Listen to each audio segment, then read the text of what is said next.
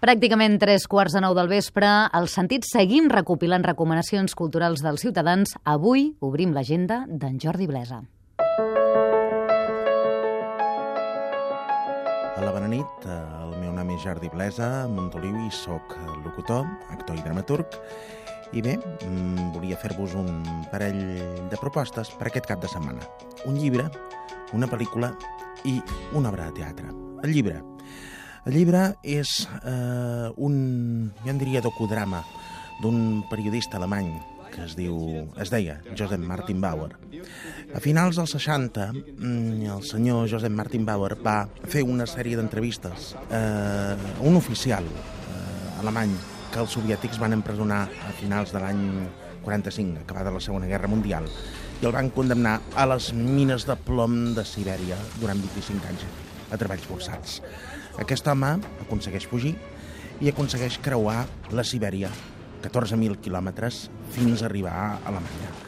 Eh, aquesta sèrie d'entrevistes van esdevenir un llibre que es va titular Tan lluny com els peus en porti. Alloska! La pel·lícula.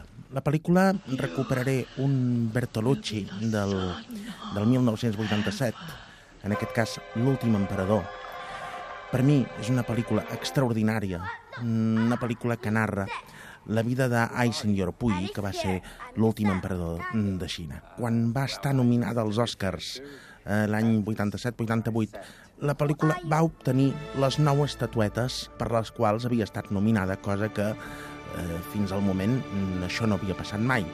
La tercera proposta és una obra de teatre.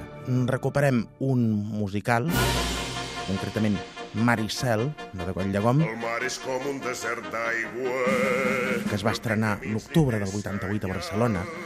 Maricel, a mi, em va impactar moltíssim. Mm, Jo, en l'època en què es va estrenar, jo recordo que la vaig veure quatre cops al Victòria. Mm, Per mi va ser un descobriment.